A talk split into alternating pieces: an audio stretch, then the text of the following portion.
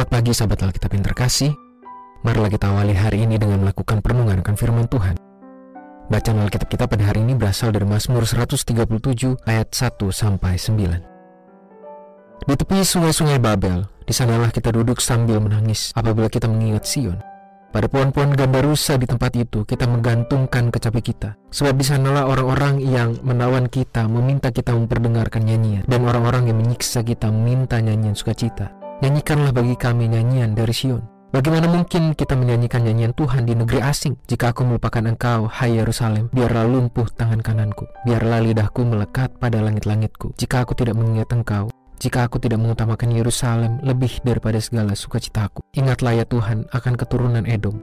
Pada hari pemusnahan Yerusalem, mereka mengatakan, Runtuhkan, runtuhkan sampai ke dasarnya. Hai putri Babel yang suka melakukan kekerasan. Berbahagialah orang yang membalas kepadamu perbuatan-perbuatan yang kau lakukan kepada kami. Berbahagialah orang yang menangkap dan menghempaskan anak-anakmu pada bukit batu. Tidak seperti syair-syair sebelumnya yang penuh dengan pengharapan dibalut kegirangan hati. Pasal 137 justru menampilkan suasana hati yang kelam kita dapat merasakan setidaknya sedikit dari kegundahan dan kegamangan yang dialami oleh Mazmur. Bahkan tidak dapat dipungkiri terdapat susunan kata yang cukup kelam terkait permintaan dari si Mazmur seperti muncul pada ayat 9. Syair ini merupakan karya sastra berdasarkan pengalaman iman bangsa Israel pasca pembuangan di Babel. Mereka yang telah terpaksa keluar meninggalkan rumah mereka pun memahami betul mengenai arti tanah sebagai rumah dan lokasi yang memberikan ikatan pengalaman beriman.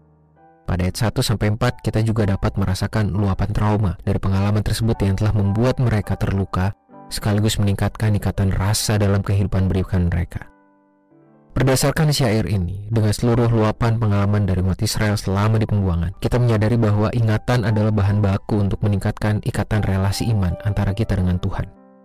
Umat Israel mungkin sedang mengalami kekalutan, kecemasan, dan kegamangan selama di pembuangan. Namun ingatan mereka atas pengalaman iman bersama Tuhan telah menjadi bahan baku untuk terus berelasi dengannya. Mereka mungkin telah kehilangan sukacita selama berada di tengah pembuangan. Namun pengalaman luka itu tidak lantas merenggut ingatan pengalaman beriman mereka bersama Tuhan.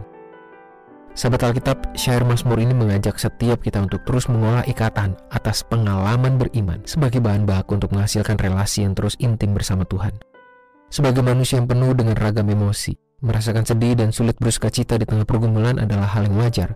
Namun kesaksian iman di dalam Mazmur ini telah menunjukkan kepada kita bahwa hal tersebut tidak serta-merta merenggut ingatan kita terhadap Tuhan. Justru kita dapat menggunakan ingatan untuk menghadapi setiap masa luka penuh duka dengan tetap terhubung dengan Tuhan yang tidak pernah meninggalkan kita. Marilah kita berdoa.